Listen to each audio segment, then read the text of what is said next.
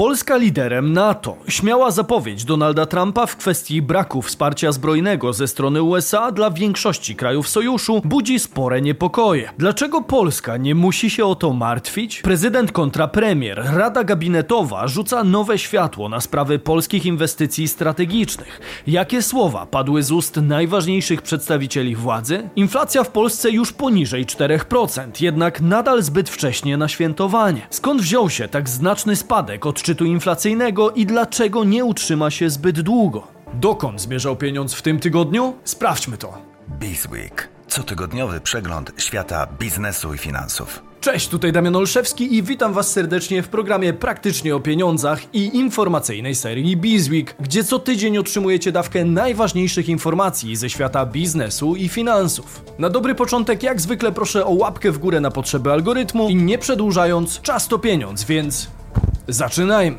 Inflacja mocno spada. Czy cel inflacyjny jest w zasięgu ręki? W styczniu 2024 zgodnie z danymi GUS odnotowano wzrost cen towarów i usług konsumpcyjnych o 3,9% w ujęciu rocznym, co stanowi najniższy poziom odnotowany od kwietnia 2021 roku, kiedy to ceny wzrosły o 4,3% rok do roku. Dane przedstawione przez Główny Urząd Statystyczny mają charakter wstępny i zostały wyliczone na podstawie tzw. Tak starych założeń koszyka inflacyjnego. Dla przypomnienia, koszyk inflacyjny to zestawienie odzwierciedlające procentowy udział różnorodnych towarów i usług w całkowitych wydatkach gospodarstwa domowego, który podlega corocznej rewizji w połowie marca. W związku z tym istnieje możliwość, że wraz z wprowadzeniem nowego koszyka nastąpi również korekta wstępnych danych dotyczących inflacji za styczeń. Miejmy to na uwadze. Póki co jednak aktualny poziom inflacji lekko zaskoczył analityków, ukazując sytuację w lepszym świetle niż przewidywano. Analitycy przewidywali bowiem, że styczniowy wzrost cen mierzony rok do roku osiągnie poziom 4,1% przy jednoczesnym wzroście o 0,5% miesiąc do miesiąca zgodnie z średnią oczekiwań ekspertów ankietowanych przez PAP. Jakie były zatem zmiany w kluczowych składnikach inflacji?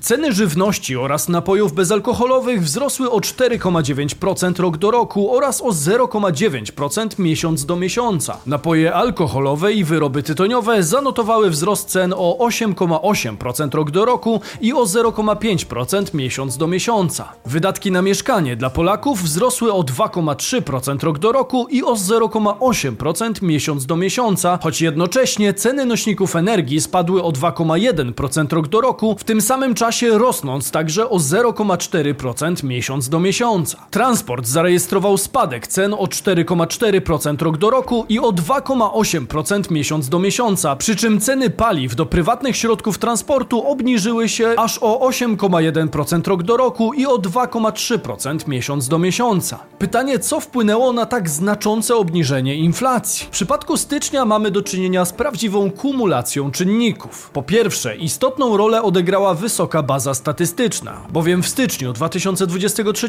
roku inflacja konsumencka osiągnęła przecież poziom 16,6%. Po drugie, obecne obniżenie poziomu inflacji jest częściowo efektem sztucznym, wynikającym z wprowadzenia tarcz inflacyjnych. Rząd przejął na siebie część dynamiki cen, znosząc VAT na żywność i zamrażając ceny energii elektrycznej oraz gazu dla odbiorców indywidualnych. Po trzecie, od początku roku roku 2023 na globalnych rynkach obserwuje się spadki cen większości produktów żywnościowych, a to ma bezpośredni wpływ na zmniejszenie dynamiki cen żywności także na rynku polskim. Po czwarte, kurs złotego zdążył się znacząco umocnić, co także ma wpływ na inflację, przede wszystkim w kontekście dóbr importowanych. Jednak z otwieraniem szampana jeszcze bym się wstrzymywał. Chociaż zbliżamy się do górnej granicy celu inflacyjnego, bo brakuje zaledwie 0,4%, to niestety obecny wynik jest jedynie przejściowy. Najpewniej w kwietniu zakończy się okres obowiązywania zerowego VAT-u na produkty spożywcze, a z kolei w czerwcu zamrożone ceny energii zostaną ponownie odmrożone. To będzie oznaczać ponowny wzrost cen dla konsumentów. Dlatego Narodowy Bank Polski przewiduje, że w czerwcu inflacja może ponownie osiągnąć poziom 4-5%. Spory wzrost Wzrost minimalnego wynagrodzenia oraz podwyżki płac w sektorze publicznym także wzmagają popyt, co może opóźnić obniżanie tempa inflacji. Do tego w drugiej połowie tego roku powinniśmy doczekać się kolejnego programu, który ma być następcą bezpiecznego kredytu 2% i również wspomóc sferę popytową w kontekście sektora nieruchomości. Wzrost wynagrodzeń może kompensować wpływ inflacji, ale dotyczy on przede wszystkim pracowników sektora publicznego, a nie wszystkich konsumentów. Aktualnie po raz pierwszy od bardzo dawna obserwujemy moment, w którym stopa referencyjna na poziomie 5,75% jest dużo wyższa od notowanej inflacji na poziomie 3,9%. Jednak biorąc pod uwagę możliwy wzrost inflacji w czerwcu i fakt, że NBP dobrze wie, że jest to zjawisko przejściowe, nie spodziewałbym się zmiany retoryki w kontekście obniżki stóp procentowych. Raczej nie powinniśmy na nie liczyć, zwłaszcza po ostatnich deklaracjach szefa NBP. To wszystko oznacza także lepszy czas dla oszczędzających, którzy nawet w bankach mogą obecnie realnie zarobić, ponieważ oferty lokat nie spadają tak szybko jak inflacja. Zatem nawet po odjęciu inflacji i podatku belki, w wielu przypadkach, kiedy lokata jest oprocentowana na 6% i powyżej, wychodzimy na plusie, a takiej sytuacji nie było już dawno. Warto też rozejrzeć się w poszukiwaniu alternatywy dla lokat, które często są na ograniczony czas i spojrzeć na przykład w kierunku obligacji. Obligacje skarbowe w Polsce nadal zapewniają całkiem spory zwrot przy jednoczesnym ograniczonym ryzyku. Aby obligacje nie wypłaciły nam z powrotem naszych pieniędzy, państwo musiałoby zbankrutować, a póki co takiego zagrożenia na horyzoncie po prostu nie widać. Wiadomo natomiast, że dość wysoka inflacja jeszcze trochę z nami pozostanie. Dlatego myślę, że wciąż warto pokusić się o zakup obligacji skarbowych, póki są jeszcze całkiem przyjemnie oprocentowane. Mówię zarówno o tych indeksowanych inflacją, jak i trzyletnich stałoprocentowych, ponieważ one za rok czy dwa przy gorszej ofercie innych produktów oszczędnościowych mogą zyskiwać na atrakcyjności. Osobiście cieszę się na myśl o zakupie kolejnej partii obligacji, bo to jeden z niewielu instrumentów, o których po zakupie w ogóle nie muszę myśleć. Warunki są z góry ustalone i jedyne co się zmienia to odczyt inflacji. Prostota w konstrukcji, obsłudze i zakupie to dla mnie olbrzymi atut tego produktu, który sprawia, że może go kupić w zasadzie każdy.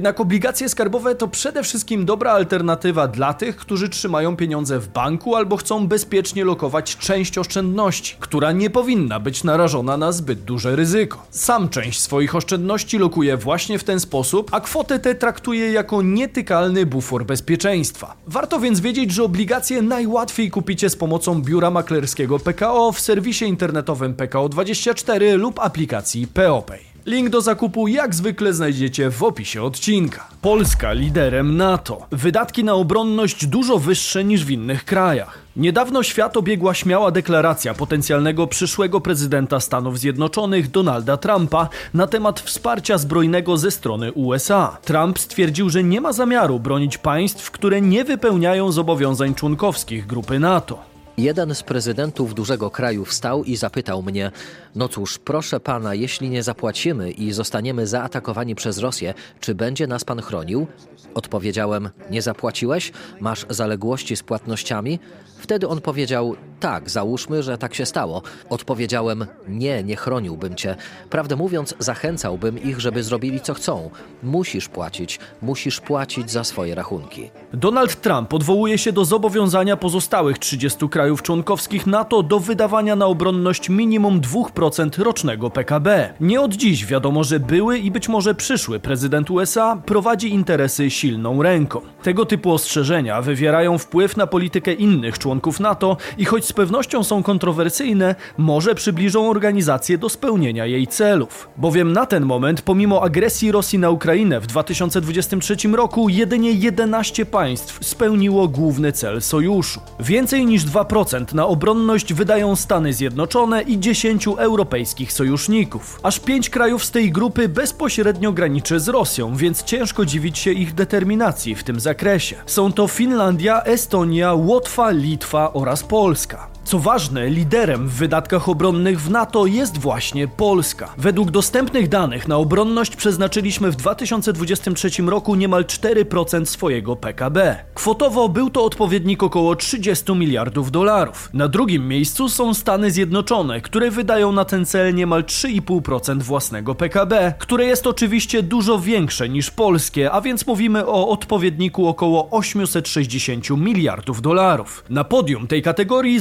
znalazła się także Grecja, która przeznaczyła na obronność lekko ponad 3% PKB, czyli odpowiednik około 7,1 miliarda dolarów. Wicepremier i minister obrony narodowej Władysław Kosiniak-Kamysz brał udział w tym tygodniu w spotkaniu ministrów obrony NATO, które odbyło się w kwaterze głównej Sojuszu Północnoatlantyckiego w Brukseli. Szef polskiego resortu obrony po spotkaniu ministrów obrony NATO powiedział, że Polska jest jednym z liderów państw NATO. Podczas swego wystąpienia podkreśliłem wydatki Polski na zbrojenia, na armię, na obronę narodową. Spośród państw NATO wydajemy najwięcej w stosunku do naszej gospodarki. To jest 4,2% PKB.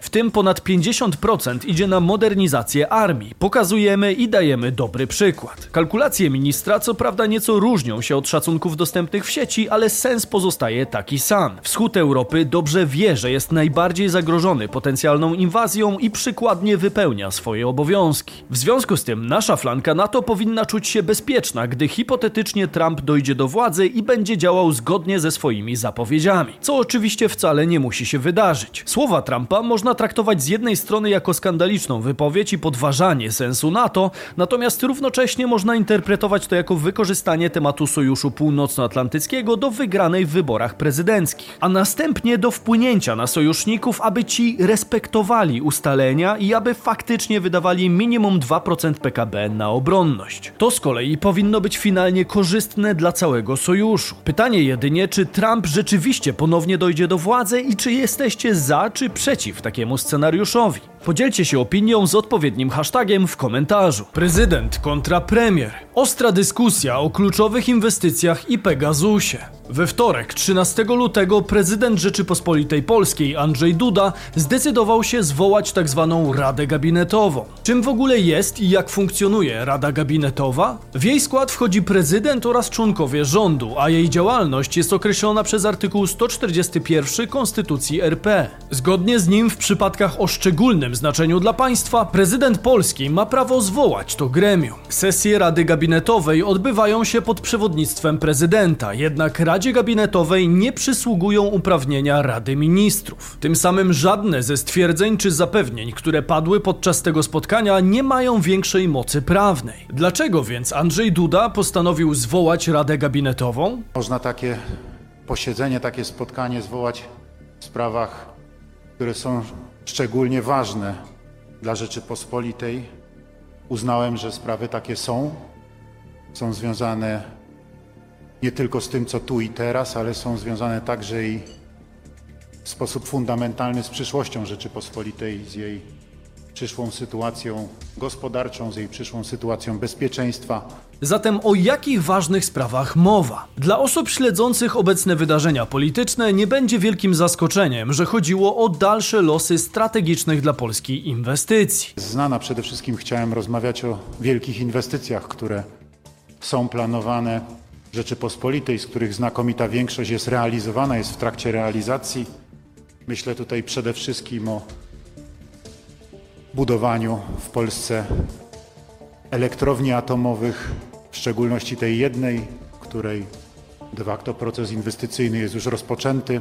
Nie chodzi jednak wyłącznie o polski atom. Obecnie w przestrzeni publicznej odbywa się zażarta dyskusja, choćby na temat budowy CPK. Chciałem, żebyśmy rozmawiali o, stworzeniu centralnego portu komunikacyjnego i rozwoju infrastruktury z tym związanej. Temat ten budzi w ostatnim czasie wiele dyskusji. Myślę, że to dobrze.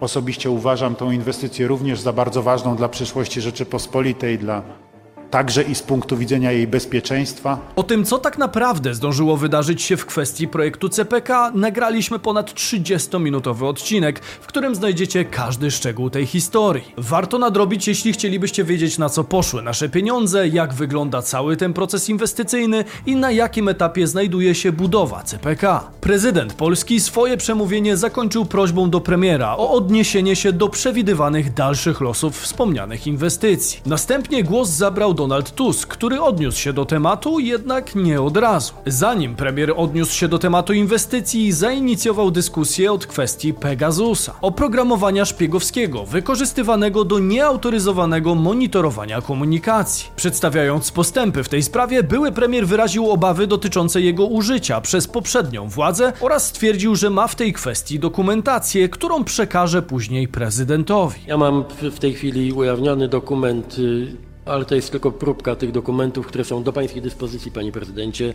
Zobowiązałem Ministra Sprawiedliwości i Prokuratora Generalnego do przekazania, jeśli będzie Pan zainteresowany, kompletem dokumentów, które niestety, mówię bez satysfakcji, potwierdzają w 100% zakup i korzystanie w sposób legalny i nielegalny z Pegasusa. Następnie premier odniósł się do kwestii prowadzonych w Polsce inwestycji. Rozpoczął od kwestii energetyki, konkretnie od SMR, czyli małych reaktorów modułowych. Jest to temat szczególnie ważny, dlatego że w kwietniu 2023 PKN Orlen ogłosił plany budowy SMR-ów na terenie Polski. Ten rodzaj technologii napotkał natomiast na przeciwności, w tym na krytyczny raport Agencji Bezpieczeństwa Wewnętrznego, który wskazywał, że inwestycja w małe reaktory modułowe nie zabezpiecza w należyty sposób interesów Skarbu Państwa. Pomimo sceptycznej opinii ABW, Ministerstwo Klimatu i Środowiska podjęło 7 grudnia decyzję o wydaniu zgody na realizację projektu w sześciu wybranych lokalizacjach.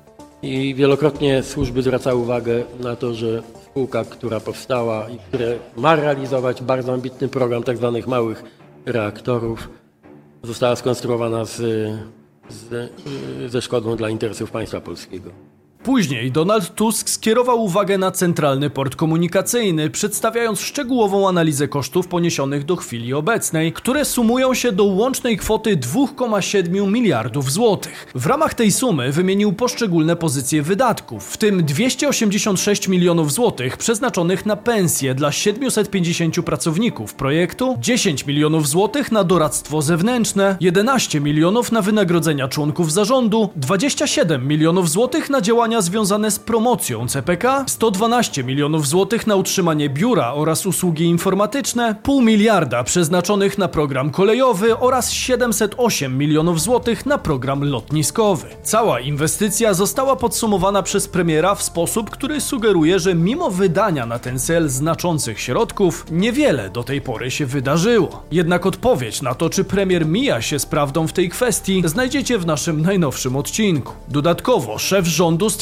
że projekt budzi obawy nowego rządu dotyczące danych wejściowych, wynikowych oraz aspektów projektowych w regionach zlokalizowanych w pobliżu lotnisk regionalnych. Co ciekawe, zaraz po radzie gabinetowej kancelaria premiera zacytowała Donalda Tuska, który stwierdził, że nie istnieją ekspertyzy, które nie stawiają pod znakiem zapytania całej inwestycji CPK. W reakcji na to stwierdzenie internauci zwrócili uwagę na brak dowodów na istnienie analiz negatywnie oceniających projekt i to nawet tych zleconych przez Platformę Obywatelską. Z kolei polityk koalicyjna Anna Maria Żukowska wyraziła pragnienie zapoznania się chociaż z jednym takim dokumentem, który kwestionowałby zasadność tej inwestycji. Mogę powiedzieć tak, no tak to jest, że przy tak ogromnych inwestycjach jak, jak Centralny Port Komunikacyjny czy, czy elektrownie atomowe, gdzie rzeczywiście wchodzą w grę miliardy, yy, sam proces przygotowania, zanim jeszcze wystąpi się o pozwolenia na budowę, czy